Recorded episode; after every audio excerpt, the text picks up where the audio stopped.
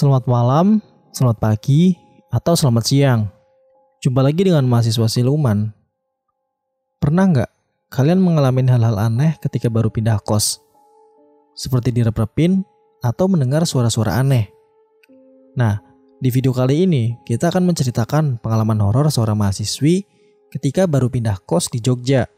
Dan ternyata kos itu adalah kos berhantu.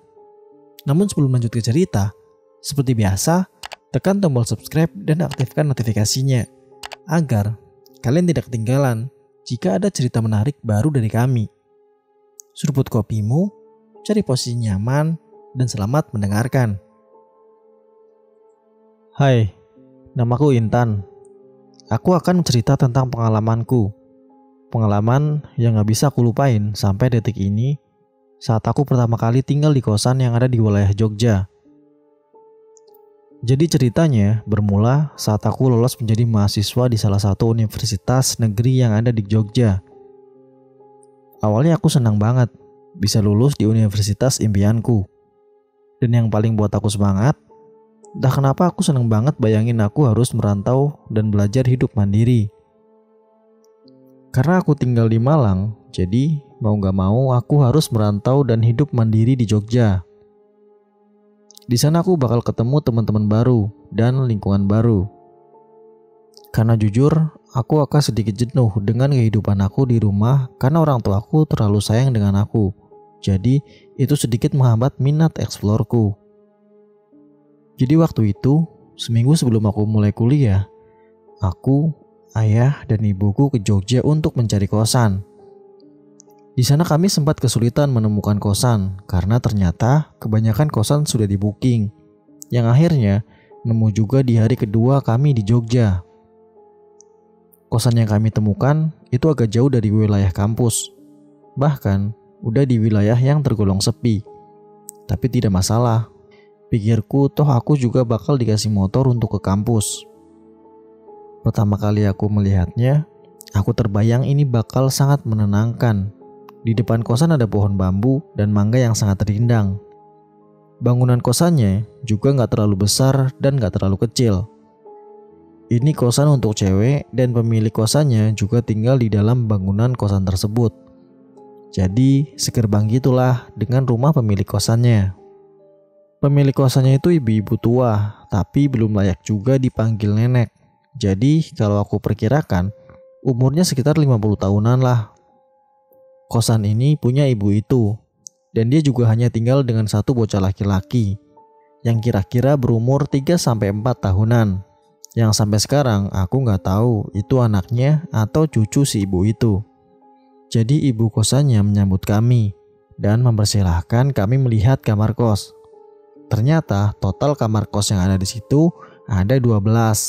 Yang kosong ada 4 kamar. Tapi dari keempat kamar itu Cuman sisa satu yang bisa ditempatin. Saat ditanya tiga kamar lainnya kenapa nggak bisa ditempatin, kata si ibu kosannya sedang direnovasi.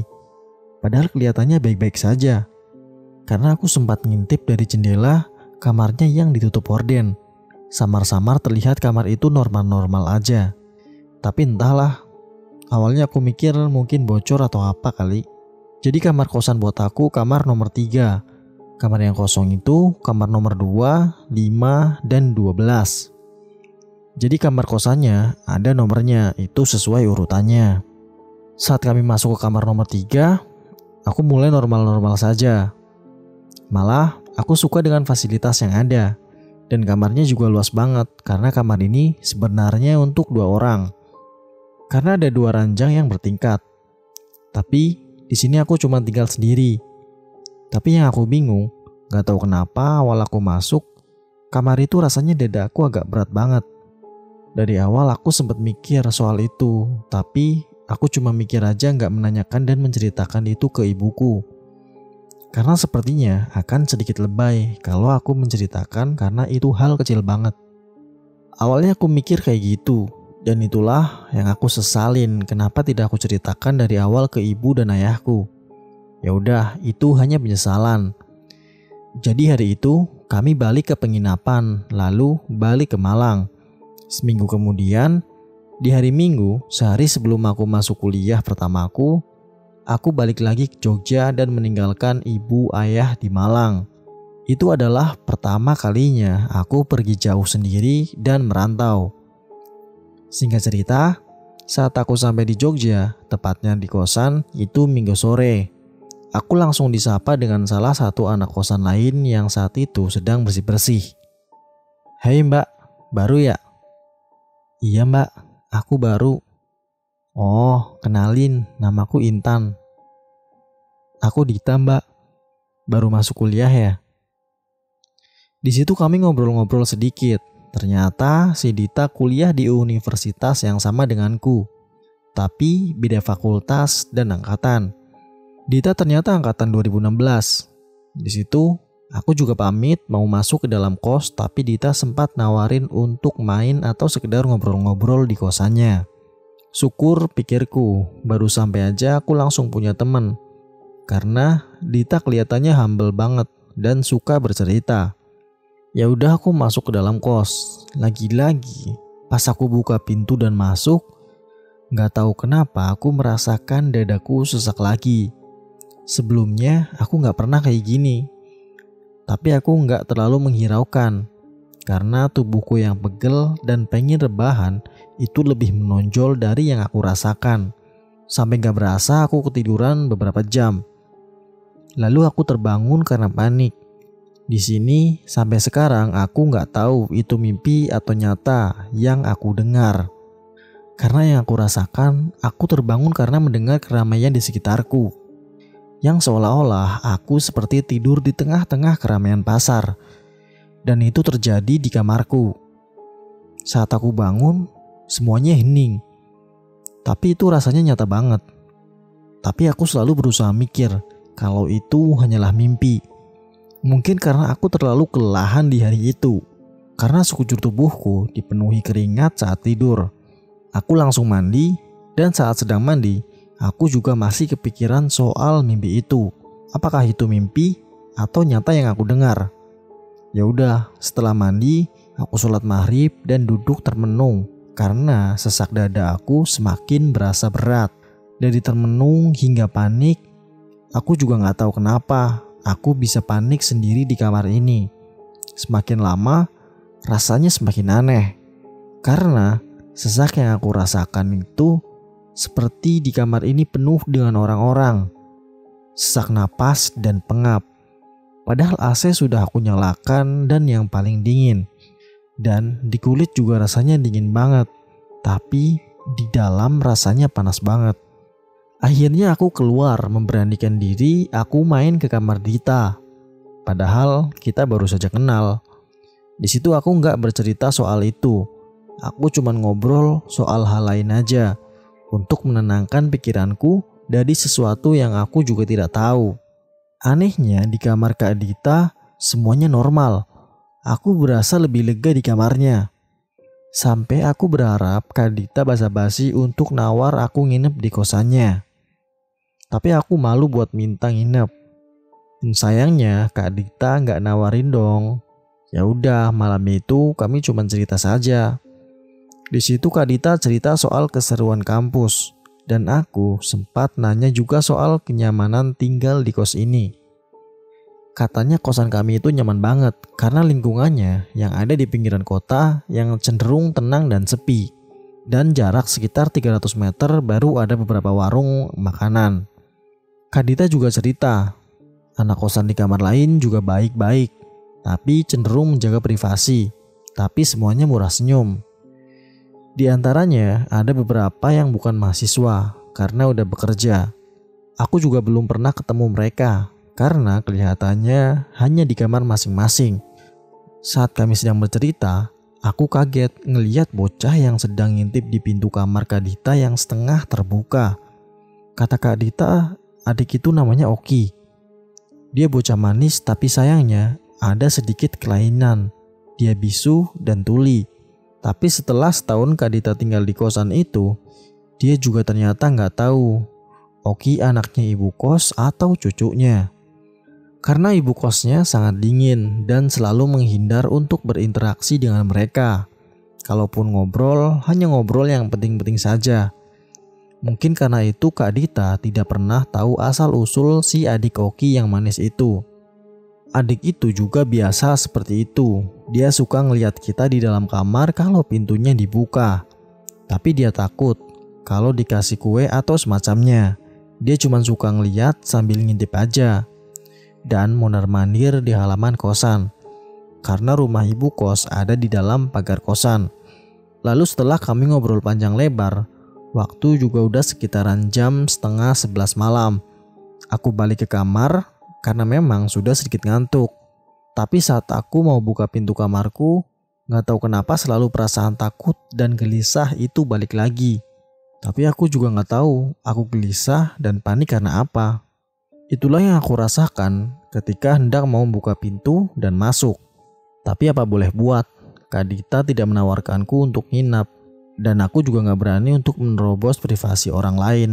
Jadi aku masuk ke kamarku. Dan lagi-lagi perlahan dada aku sesak dan semakin sesak.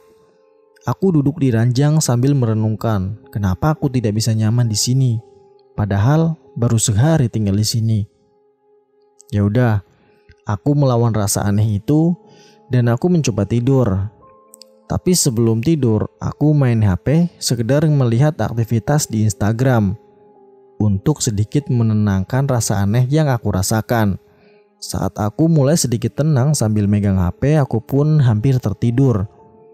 Tiba-tiba, krek, bunyi gagang kamarku yang buat aku kaget.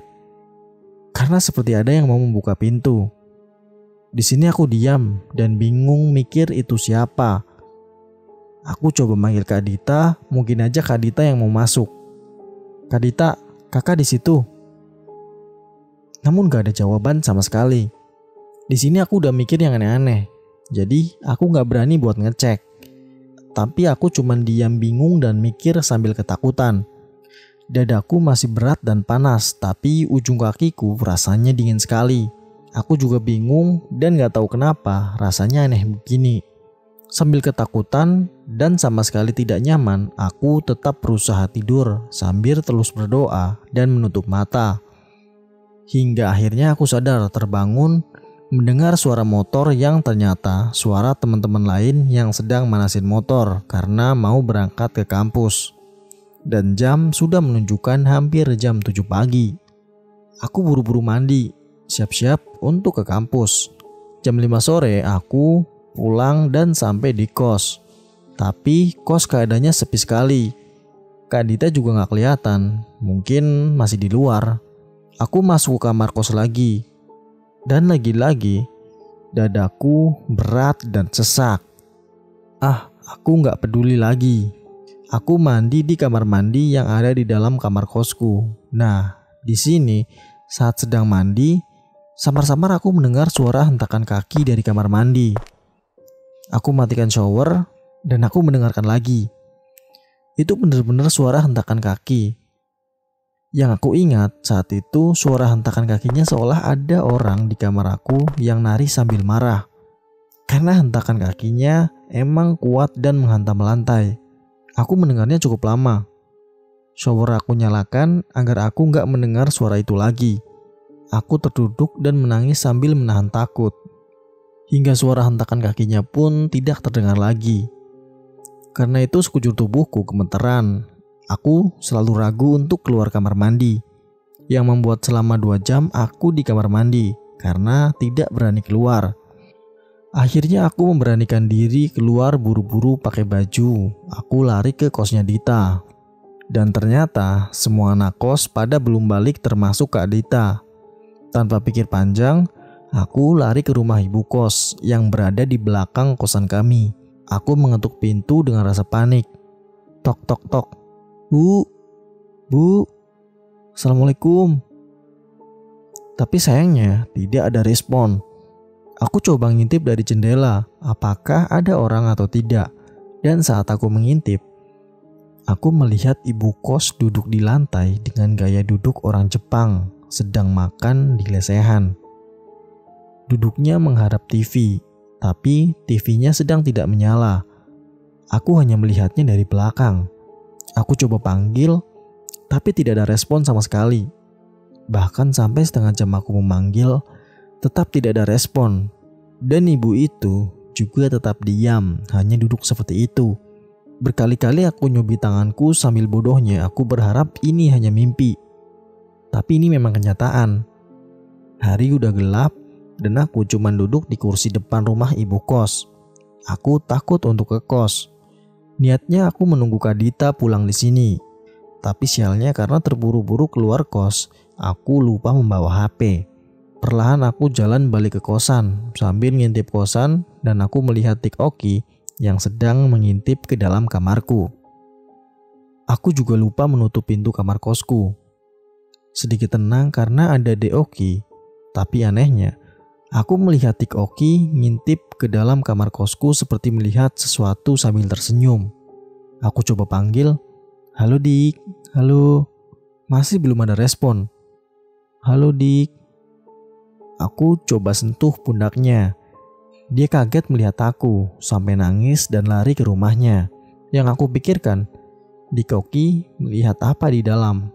Kenapa dia tersenyum dan kaget melihat aku ada di belakangnya? Di sini aku pergi dengan motor sendiri untuk makan. Karena udah sangat ketakutan, aku pergi makan ke pusat kota dan memilih tempat yang agak ramai. Setelah itu, aku menelpon ibuku menceritakan soal apa yang aku alami. Ibuku tidak percaya sama sekali, karena dia hanya menganggap aku terlalu manja, tidak bisa jauh dari orang tua. Dia hanya menasehatiku untuk menjadi mandiri di sini. Itu masih jam setengah sembilan. Aku menunggu Kak Dita ada di kos barulah aku berani pulang. Singkat cerita, hampir jam 11 Kak Dita baru ngabarin kalau dia baru tiba di kos. Dan aku pun akhirnya balik. Aku menceritakan semuanya, tapi lagi-lagi respon Kadita seperti tidak percaya. Dia hanya merespon dengan candaan. Aku pun hanya tersenyum tipis merespon candaannya. Aku ngerti kenapa orang-orang tidak percaya, karena sebelumnya aku juga sering tidak percaya atau pura-pura percaya saat teman atau siapa pun yang menceritakan hal seperti ini. Dari sini aku milih diam, yang penting Kak Dita tetap bersama aku. Tapi aku sempat minta nginep, Kadita, malam ini aku nginep di sini ya. Tapi di sini ranjangnya cuma satu tan. Ya udah gini aja karena kakak juga belum pernah ke kamarnya Intan. Kita tidur di situ saja. Kan di kamar Intan double ranjangnya. Gimana? Iya kak nggak apa-apa. Ya udah kakak mandi dulu ya. Ntar kakak nyusul ke kamarnya Intan. Nggak apa-apa kak. Aku nunggu di sini aja.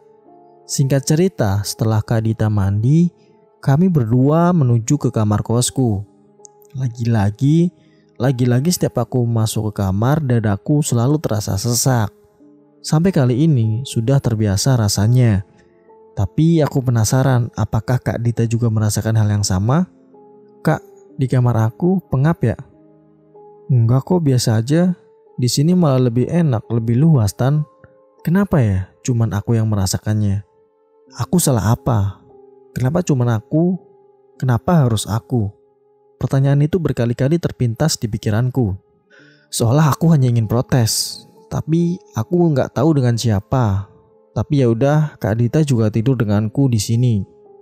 Aku tidur di ranjang bawah, Kak Dita tidur di ranjang atas. Malam itu, dada aku semakin berat dan aku sulit tidur. Tapi Kak Dita udah lelap banget. Aku pun berusaha untuk tertidur. Krek. Tiba-tiba aku tersadar dan terbangun. Lagi-lagi mendengar suara pedal gagang pintu yang perlahan pintunya terbuka dengan sendirinya. Tapi aku pun mendengar suara dengukan Kak Dita dari atas. Aku coba panggil Kak Dita. Kak, Kak Dita, Kak. Sepertinya Kak Dita tidur terlalu nyenyak. Aku bangun naik ke ranjang atas, aku kaget sampai terjatuh. Ternyata Kak Dita tidak ada. Refleks aku lari ke kamar Kak Dita. Aku ketuk pintu kamar Kak Dita. Syukurnya Kak Dita terbangun dan buka pintu. Aku langsung nanya, kenapa Kak Dita pindah? Ternyata Kak Dita pindah karena kasur yang di atas gatel-gatel. Karena aku lupa mengganti spraynya. Itu memang spray dari kosan yang udah lama banget. Lalu Kak Dita pun nawarin aku buat tidur di kamarnya. Meskipun tidur hanya di lantai, rasanya jauh lebih lega tidur di sini. Pagi aku dibangunkan Kak Dita. Singkat cerita, aku ke kampus. Selama di kampus, aku berkali-kali nelpon dengan ibuku untuk meminta pindah kosan. Tapi ibuku malah menasehatiku karena menurutnya aku tidak bersyukur dengan keadaan kosan itu. Jujur aja fasilitas dan keadaan fisik kos itu sudah lebih dari cukup buatku. Malah aku bakal senang dan tenang ada di kos-kosan yang lebih sederhana, asalkan tidak ada teror mistis yang seperti aku alami di sini. Jam 5 sore, aku balik dari kampus. Lagi-lagi Kadita belum ada di kosan. Duh, aku panik lagi. Tapi aku coba melawan rasa takutku. Aku memberanikan diri masuk ke kamar. Aku nunggu sesuatu yang terjadi, tapi tidak ada yang terjadi. Cuman dada aku yang perlahan semakin berat dan sesak. Di sini aku tidak berani mandi lagi saat malam hari atau saat menjelang maghrib. Aku rebahan di tempat tidur dan tanpa sadar aku tertidur hingga jam 8 malam. Aku bangun siap-siap untuk sholat. Setelah itu aku termenung. Aku berpikir, gimana caranya orang tuaku mengizinkan aku untuk pindah dari sini. Aku coba telepon lagi, namun tetap tidak diizinkan. Aku mulai mikir untuk pindah secara diam-diam saja. Syukurnya aku punya sedikit tabungan yang cukup untuk membayar kosan beberapa bulan. Saat itu, pikiran aku sudah bulat untuk mencari kosan. Aku coba nyari kosan yang ada di Jogja via online. Saat sedang sibuk dengan laptopku nyari kosan, aku merasain kayak orang yang bolak-balik di dalam kamarku. Dan itu berasa rame banget. Tapi aku nggak melihat apa pun dan nggak dengar apa pun di sini. Tapi bener-bener aku ngerasain kayak ada hawa orang lain. Ini rasanya bener-bener aneh banget. Kalau kalian nggak tahu gimana rasanya, kalian bayangin kalau kalian sedang ada di suatu ruangan dengan orang rame tapi semua orangnya diam, gak bergerak dan gak bersuara. Dan kalian tutup mata. Pasti kalian gak ngeliat wujudnya dan gak dengar pergerakannya kan? Tapi pasti ada semacam indera kalian yang bisa ngerasain ada orang lain di dekat kalian. Gitulah kira-kira rasanya. Padahal itu di kamar kosku yang cuman aku sendiri. Nah saking rasa ramenya, dada aku semakin berat ini persis banget kayak di hari pertama aku ngerasain. Beratnya nggak kayak berat biasanya, tapi jauh lebih berat, panas dan pengap. Tapi anehnya di kulit rasanya dingin banget, terutama di ujung kaki. Sampai sekarang, aku masih berinding. Ingat rasa aneh ini, dan aku masih bingung nggak tahu kenapa. Lalu, saat itu aku menghubungi salah satu teman baru aku di kampus, namanya Velin. Padahal kami baru kenal tadi siang.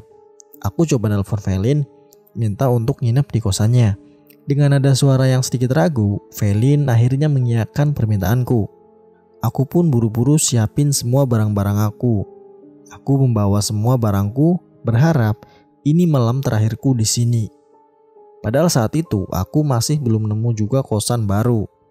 Dan saat sedang siap-siap, aku dengar suara pintu kamar Kak Dita dibuka.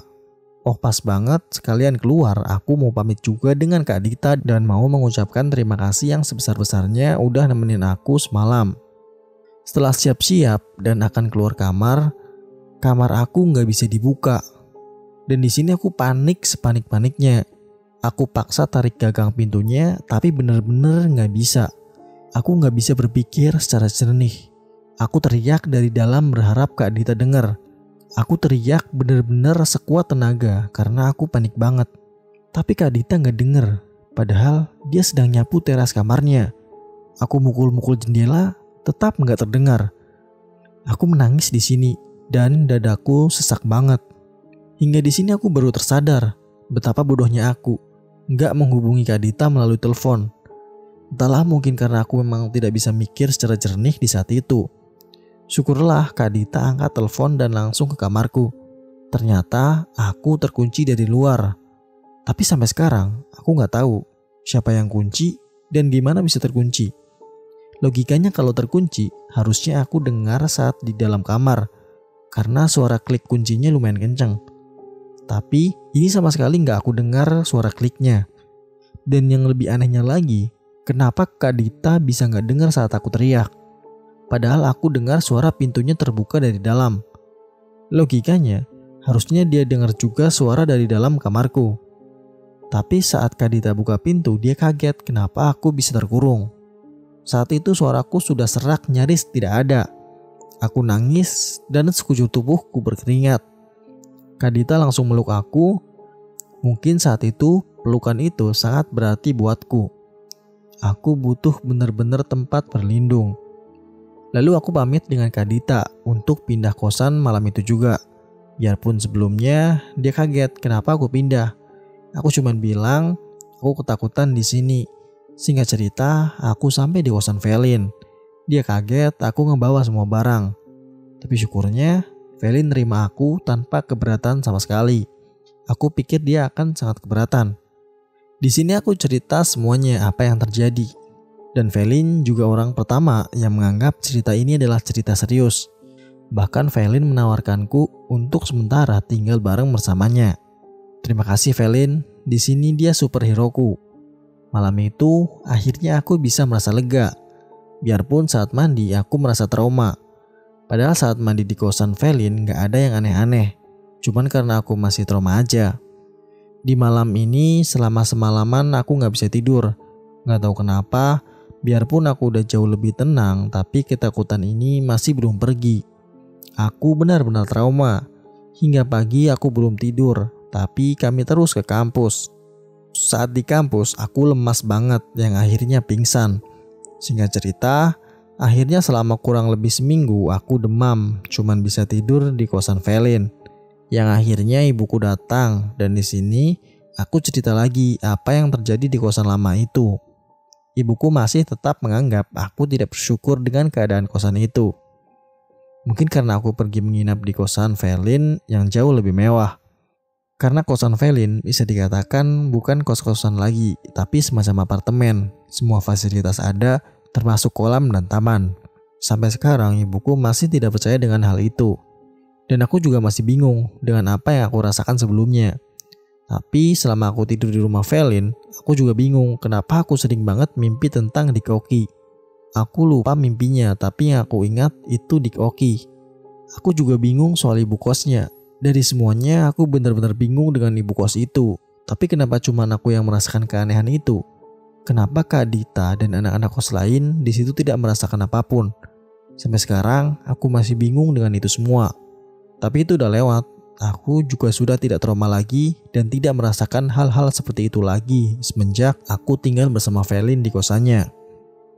Di cerita ini, Intan tidak mengizinkan share nama lengkap detail pribadi lainnya, termasuk nama universitas dan wilayah detail alamat kosannya.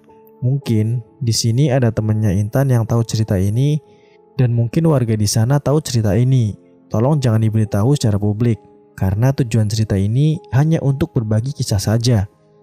Jadi begitulah kisah tentang kos berhantu di Jogja. Saya nggak percaya, kembali ke pribadi masing-masing.